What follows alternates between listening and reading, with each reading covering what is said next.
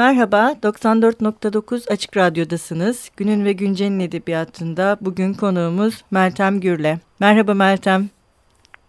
Merhaba, merhaba Seval. Hoş geldin. Meltem e, Dublin'den e, bizimle birlikte bugün. E, ilk programı dinlemeyenler için e, tekrar edelim. Biz Meltem Gürle ile geçen hafta e, Aralık ayı boyunca Oğuz Atay'a Oğuz Atay'ın 40. ölüm yıl dönümü e, dolayısıyla e, ayırdığımız programların ikincisini gerçekleştiriyoruz ve e, Meltem Gürle'nin e, tutunamayanlar üzerine yazdığı Ölülerle Konuşmak Shakespeare'den Joyce'a tutunamayanlarda edebi miras meselesi adlı eserinden e, bahsederek tutunamayanları konuşuyoruz. E, geçen hafta e, Bahtin'in karnaval kavramından, e, Franco Moretti'nin modern epik kavramından e, ve bu kavramlar ışığında e, Meltem Gürle'nin kitabında tutunamayanlara dair e, fikirlerinden bahsetmiş ve en son Hamlet'te e, kalmıştık. Bu programda istersen e, Hamlet'ten devam edelim Meltem ama Hamlet'ten devam ederken e, en son sen şey diye bitirmiştin Ankara'da yani Turgut'un e, Ankara'ya Ankara, evet. E, bir bozkura gitmesi evet. ve tabii oranın... Ankara'dan devam edelim. Evet Ankara'dan devam edelim. O bölümünün Ankara'da olması tesadüf değil. Birkaç nedenle tesadüf değil ama en önemli e, sebebi e, Ankara bu Cemal Süreyya'nın söylediği şekliyle iyi kalpli üvey ana hmm.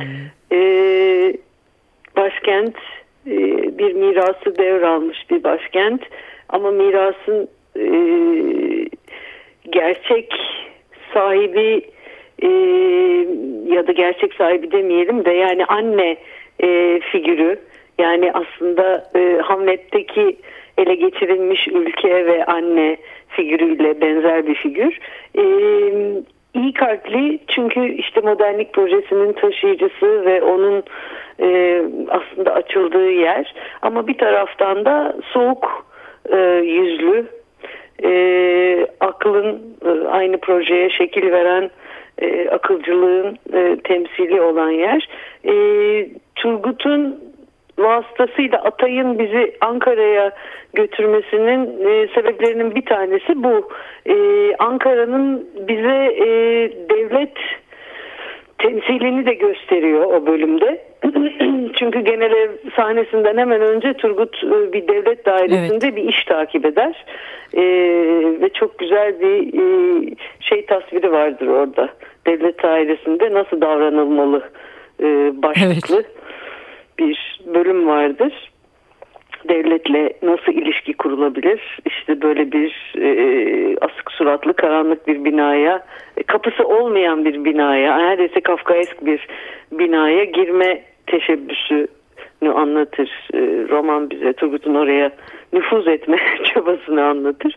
E, sonra da bizi Ankara'nın e, yer altına götürür. Yani genel efsanesi odur.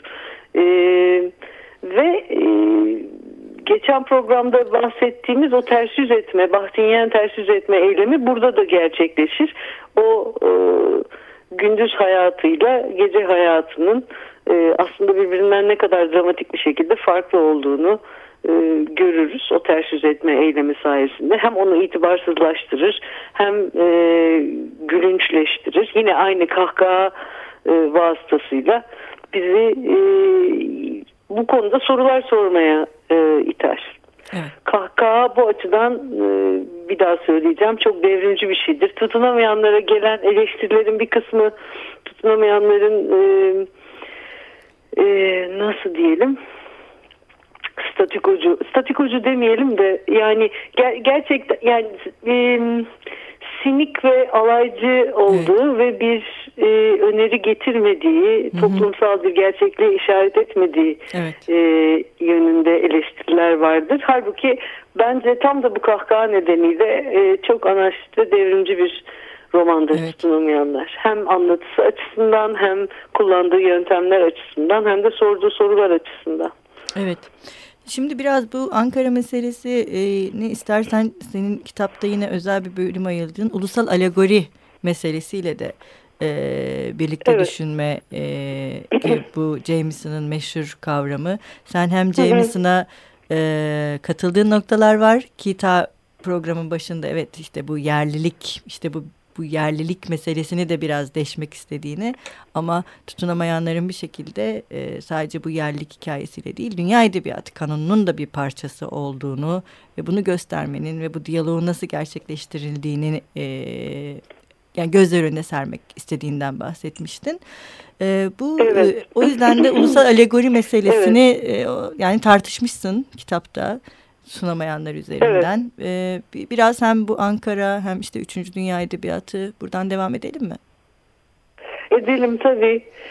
Ee, Jameson aslında e, o makalesine dair bu işte çok uluslu kapitalizm döneminde Üçüncü Dünya Edebiyatı adlı bayağı tartışmalı bir makalesi var. Orada bahsediyor bundan.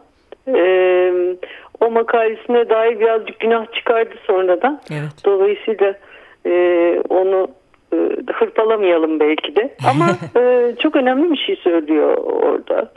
Diyor ki modernlik söz konusu olduğunda üçüncü dünya ülkeleri e, kendileri gibi edebiyatları da az gelişmiş ve gecikmiştir diyor. Hatta yani açık açık şeyi söylüyor. Yani hiçbir zaman bir üçüncü dünya romanından biz Joyce ve Proust'tan aldığımız tatmini alamayacağız. Evet. E, çünkü e, yani orada bu zengin anlamları bulamayacağız. Çünkü orada bir ulusal alegori meselesi olacak e, ve e, yani bir yerellik olacak ve bir e, toplumsal gerçekçi tema olacak. E, ulusal alegori olarak okumak mümkün tabii e, şeyi e, tutunamayanları. Ama geçen programda da söyledim ya yani ben bir modern epik olarak okumayı tercih ederim. Çünkü e, modern epiğin içinde hem o e, tarihselliği e, Ulysses'de Stephen Dedalus'un söylediği o e, tarihin kabusu uyanmak evet. istediğimiz kabusunun hikayesi var. Hem de e, bir arzu olarak o tarihsellikten bir epik çıkarma, bir e, ulusal alegori değil de bir epiğin hikayesini anlatma, bir ulusun epiğinin hikayesini anlatma arzusu var. Dolayısıyla epik janrasıyla, epik bir edebi tür olarak epikle girdiği bu ilişkinin içinde, bu diyalektik ilişkinin içinde bir anlamda ya da diyalojik diyelim madem Bakhtin'den evet. bahsettik. O ilişkinin içinde e, bir e, ulusal alegori anlamlarının ötesinde evrensel bir meseleye evet. işaret etme arzusu da var. Evet. Yani hem yerel olarak okuyabiliriz yerel referansların üzerinden hem de e, bir evrensel talebi dile getirdiğini düşünerek okuyabiliriz. Evrensel meseleyi dile getirdiğini düşünerek okuyabiliriz ki bence tutunamayanlar için bu ikisi de geçerli. Evet. Bir taraftan Türkiye'nin modernlik projesini gayet müstehsi bir şekilde, gayet ironik bir şekilde e, ortaya koyar ve eleştirirken bir taraftan da çok e, yine modernlikle ilgili ya da modernlikte dile geldiği şekliyle bir varoluşsal meseleyi de dile getirdiği için, anlattığı için her iki e, koşulu da yerine getiriyor bence tutunamayanlar. Evet, e, şimdi zaten e, senin de kitapta öne sürdüğün şeylerden birisi bu e, bu modernlik projesi dediğimiz ya da modernlik deneyimi dediğimiz şeyin sonuçta dünyanın her yerinde yaşandığı fakat her yerinde aynı şekilde yaşanmak zorunda olmadığı fakat bu tecrübenin evet. diğer tecrübelerle e, nasıl konuştuğu meselesinin aslında daha büyük bir resim üzerinden okunması gerektiği. Yani ben öyle anladım. Evet. E, bu noktada da zaten e, tutunamayanların e, bu arada e, kitabın özellikle Joyce'la ilgili son bölümü benim en sevdiğim bölüm oldu. Diğer bölümler de çok güzel. Öyle mi? Evet Joyce'la ilgili bölüm. Ee, orada ben çok önemli. Ben bölümünü seviyorum. benim, favorim o. orada e, çok önemli bir şey söylüyorsun aslında. İşte tam da bu büyük e, işte birbirleriyle konuşan metinlerin e, bu bilinç akışı meselesinin e, tutunamayanlarda nasıl e, farklı bir şeye evrildiği her ne kadar diğer metinlerle bir e, akrabalık ve konuşma olsa da diyalog olsa da ve nasıl evet. aslında e, dünya edebiyatında e, bir e, başka evrilmeye bu bilinç akışının e, dönüştüğünü de e, gösteriyorsun. Ben bunu çok etkileyici ve çarpıcı buldum açıkçası. E, biraz ondan da bahsetmek istiyorum aslında. Farkındayım zor biraz teknik bir mesele. Alıntılar falan da çok var önemli var. ama hani evet. toparlayabilirsek seni çok zorlamamış olursam. e, çünkü bu çok yaratıcı. E, yani çünkü iyi edebiyat metinleri e, iyi eleştirmenlerle e, birlikte e, çok başka kanallara açılıyorlar. O yüzden e, senin e, tutunamayanlara e, çok büyük bir katkın var. E, bunu e, yani şey çok evet, önemsiyorum çok ben. Bunu duymak ve, ne kadar güzel.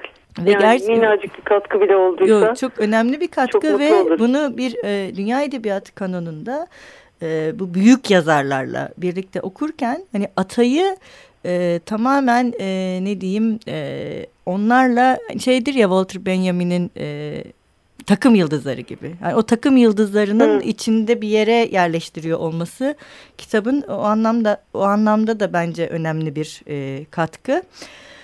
E, bu bu bilinç akışı meselesi e, aslında Oğuz Atay'da birçok eleştirmenin e, dikkati çektiği ama e, aslında doğrudan bu konuya çok da odaklanmadığı bir meseleydi. E, yani senin bu kitapta e, hani hem anti kahraman hem yolculuk hem eve dönüş hikayesi e, bu bunların e, ayrışması da var ama bilinç akışının e, tutunamayanlarda nasıl başka bir şeye evrildiğinin e, gösterilmesi e, bence ee, önemli. Yani birincisi e, şeyi söylemek lazım herhalde Seval. Yani diyalog, e, edebiyat uzun bir diyalog. Tabii. Ve e, edebiyat yine edebiyattan beslenen bir şey. Sadece hayattan Tabii. değil edebiyattan da beslenen bir şey. Dolayısıyla e, bütün e, özellikle modernist yazarlar kendilerinden önce gelenek gelen gelenekle çok yakın bir ilişki içindeler. E, Atay da tabii şeyi biliyor yani e, biliyoruz ki Ulysses'i okumuş. Tabii. Biliyoruz ki modernist edebiyatın eserlerine hakim aslında çok iyi bir okuyucu. Ee, evet. Şu Armağan, Armağan Ekçi kulakları çınlasın Ulysses'in çevirmeni evet. öyle demişti. Belli ki işte görmüş beğenmiş ben de yapayım bundan demiş. Tamam evet. böyle bir tarafı var. ee, e, ama e, o, o aracı alıp onu bambaşka bir şekilde kullanmak konusunda da bir becerisi var. Bilinç akışı modernist edebiyatın alamet farikalarından biri. Evet. Yani e, işte başta Virginia Woolf ve e, James Joyce olmak üzere aslında birbirlerini hiç sevmeyen evet. iki karakter, e, iki yazar bunu çok başarılı bir şekilde kullanmışlar.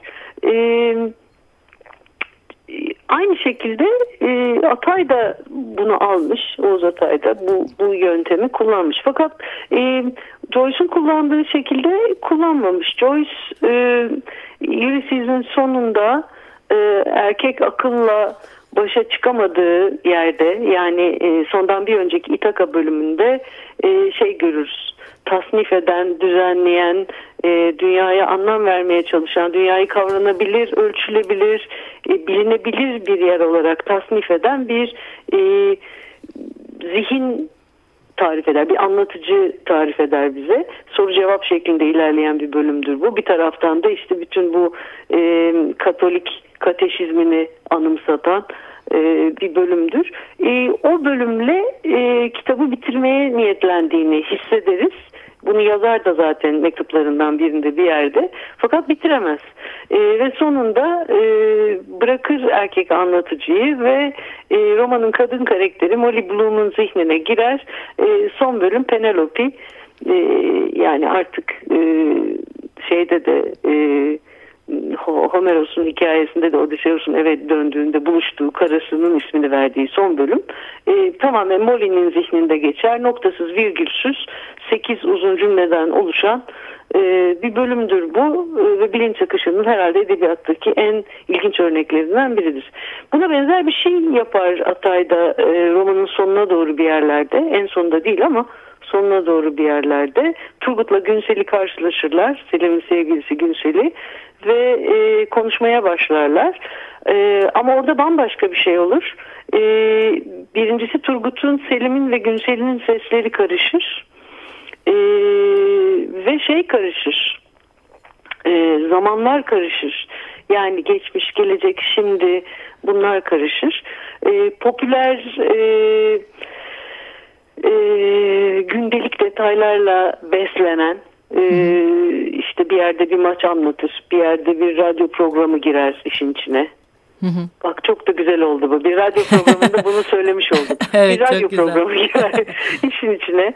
Ee, ve e, en önemlisi bu üç karakterin sesinin karışması Türkçenin de verdiği olanaklarla yani farklı e, zamirler kullanmadığımız için farklı cinsiyetler için bu seslerin birbirine karışması e, çok daha farklı e, anlatı olanaklarını e, sunar Atay'a ve o bu olanakları e, sonuna kadar kullanır. Sonsuzdur bu olanaklar ama kullanabileceği en son noktaya kadar kullanır. Takip etmesi çok zor, okuması çok zor bir bölüm çıkar ortaya ve e, bununla bile eğlenir.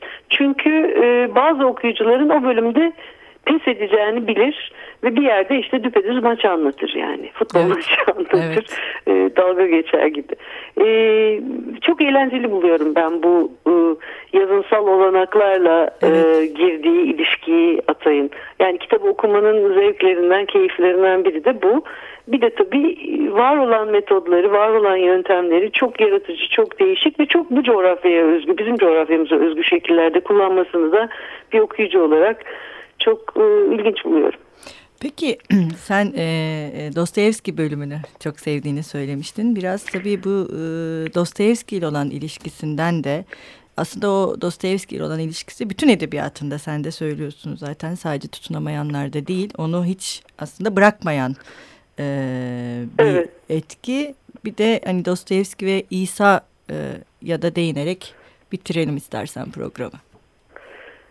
Evet ben o bölümü hakikaten çok severek yazdım.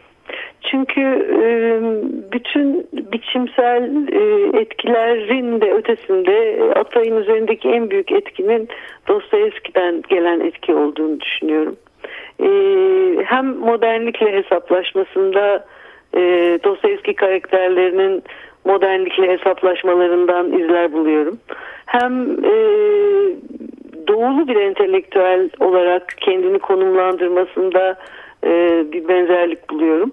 E, onun için e, mesela Atay'ın Nabokov'a benzediğini söyleyenler vardır. İşte evet. şey yüzünden. Stephen Knight'in Nasıl çevrilmiştir o Türk, Türkçe'ye? Pale Fire, Solgun Ateş. Solgun Ateş diye çevrildi. Oradaki evet. e, e, bütün kitap şeydir ya Nabokov'da e, Solgun Ateş'te e, Oğuz Atay'ın Süleyman'ın şarkısını anımsatan şekilde bir şiir vardır. Ondan sonra Hı. şiirin analizi vardır. Hı. Analiz şiirden çok daha fazladır. Söz kendini Hı. üretir falan filan. Böyle bir benzerlik var. Çünkü e, Oğuz Atay da Nabokov gibi çok oyuncu bir e, yazar e, bu tip e, şekilsel özellikleri e, çok güzel kullanan, kelime oyunlarını çok güzel kullanan, e, her açıdan e, oyuncu ve ironik bir yazar. Fakat esas etki aslında e, tam ters köşeden geliyor. Yani Nabokov'un hiç sevmediği Dostoyevski'den geliyor bence. Çünkü o doğuda yaşayan, doğuda e, yazan entelektüelin batıya karşı konumunu e, çok iyi anlayan ve o konumu e, kendi avantajına kullanan yani bir eleştirel aslında çok keskin bir kılıç gibi kullanan e, bir yazar Oğuz Atay'da aynı Dostoyevski gibi ve onun e, duyarlılıklarını Dostoyevski'nin duyarlılıklarını Dostoyevski'nin inceliklerini taşıyor. Sadece bu e, doğulu bir entelektüel olmaktan gelmiyor. Bir de insanlar insanlığın acılarına e, kalbi açık bir yazar olmasından geliyor bence. Aynı varoluşsal sorulara açık olmasından geliyor. Onun için e, çok büyük bir benzerlik görüyorum. İsa figürü tabii bunun bir tezahürü. Evet. evet. E, yani insanların acılarını üzerine alan bir e, figür olarak, e, bir tarihsel figür olarak algılamalıyız herhalde onu. Ee, onun için hem Dostoyevski'nin eserlerinde hem, hem de, de evet, Atay'ın eserlerinde yeniden yeniden e, karşımıza çıkıyor. Zaten sanırım İsa figürü birçok dünya edebiyatında e, tekrarlanan bir figür olarak ortaya çıkıyor. Bir de e, evet. bu e, ben e, şunu sormak istiyorum sana. E, tabii kitap Batı kanonuyla konuşmasından oluşuyor şüphesiz.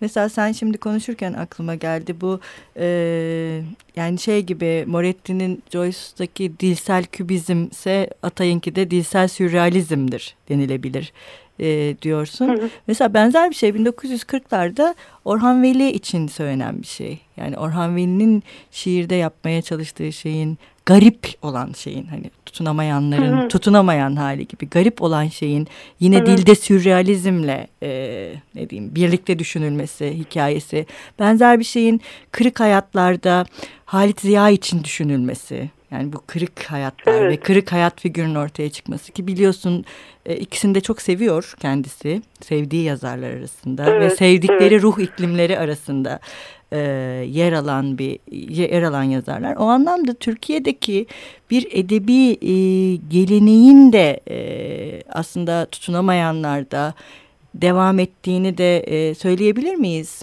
Benzer ruh iklimleri ya da figürlerin edebiyatta tutunamayanlarda farklı seslerle, kimi zaman kendi sesleriyle yani tıpkı şeyde e, Joyce'da, e, e, Dostoyevski'de olduğu gibi kimi zaman Halis Ziya'nın, kimi zaman işte Orhan Veli'nin, kimi zaman Kemal Tahir'in seslerinin de bu metinde bir diyalog halinde olduğunu söylemek mümkün olabilir mi? Elbette mümkün. Hı hı. Ee, bu da aslında modern epiğin özelliklerinden evet. Yani kendinden önceki sesleri de içinde hı hı. taşımak. O kadar e, kapsayıcı bir proje ki bu evet. hem dünyanın bütününe talip oluyor hem de aslında edebiyatın daha önceki geleneğini de alıp kucaklayıp onu da kendisiyle beraber ama ona değişik anlamlar yükleyerek, değişik Tabii. okumalara da e, kendini açarak e, devam ettiriyor. E, sürrealizme gelince e, aklın sınırları içinde kaldığımız sürece e, burayı anlayamıyoruz hı hı. der gibi sanki evet. e, Atay. E, onun için onun sınırların yani o, onu tamamen terk edemiyor. Akılla olan, akılcılıkla olan modernlik projesi de bunun bir e, uzantısı. Onu o, onunla olan diyaloğu da devam ediyor ama onu mümkün olan en e, uç sınırlara kadar da zorluyor. Sözü de zorluyor zaten. Yani bir yöntem olarak, bir yazınsal yöntem olarak da sözü çoğaltıyor, Hı. üretiyor. E, en uç sınırlarına kadar e, götürmeye çalışıyor. E, o zorlamanın altında da bence akılla olan, akılcılıkla olan, e, modernliğin alameti farikası olan, aydınlanmanın alameti farikası olan, akılcılıkla olan mücadelesi de var. Evet. E, onun için e, öyle okumalıyız evet. diye düşünüyorum. Mesela ben e, senin kitabını okurken şey diye düşündüm. Sözün sözü çoğaltması. Hani suya atılan taş gibi. Suya bir taş atıp böyle halka halka halka halka genişlemesi gibi. Atay'ın biraz böyle dille kurduğu ilişkinin e, sanırım böyle evet. bir özelliği de var. Biraz e, giderek büyüyen, Tabi buradan birçok mitolojik göndermelere de gidilebilir. Belki öyle de okunabilir bilemiyorum. E, Meltem çok teşekkür ederiz. E, iki haftadır bizimle e, birlikte olduğun yine için yapalım. yine yapalım. Sen buralara geldiğinde buralarda yapalım karşılıklı e, diyelim. Çok teşekkür ederiz. E, Meltem böylece e, Oğuz Atay'ın 40. ölüm yıl dönümü için yaptığımız programların da sonuna geldik. Kendine iyi bak. Çok sağ ol Meltem. Görüşmek üzere.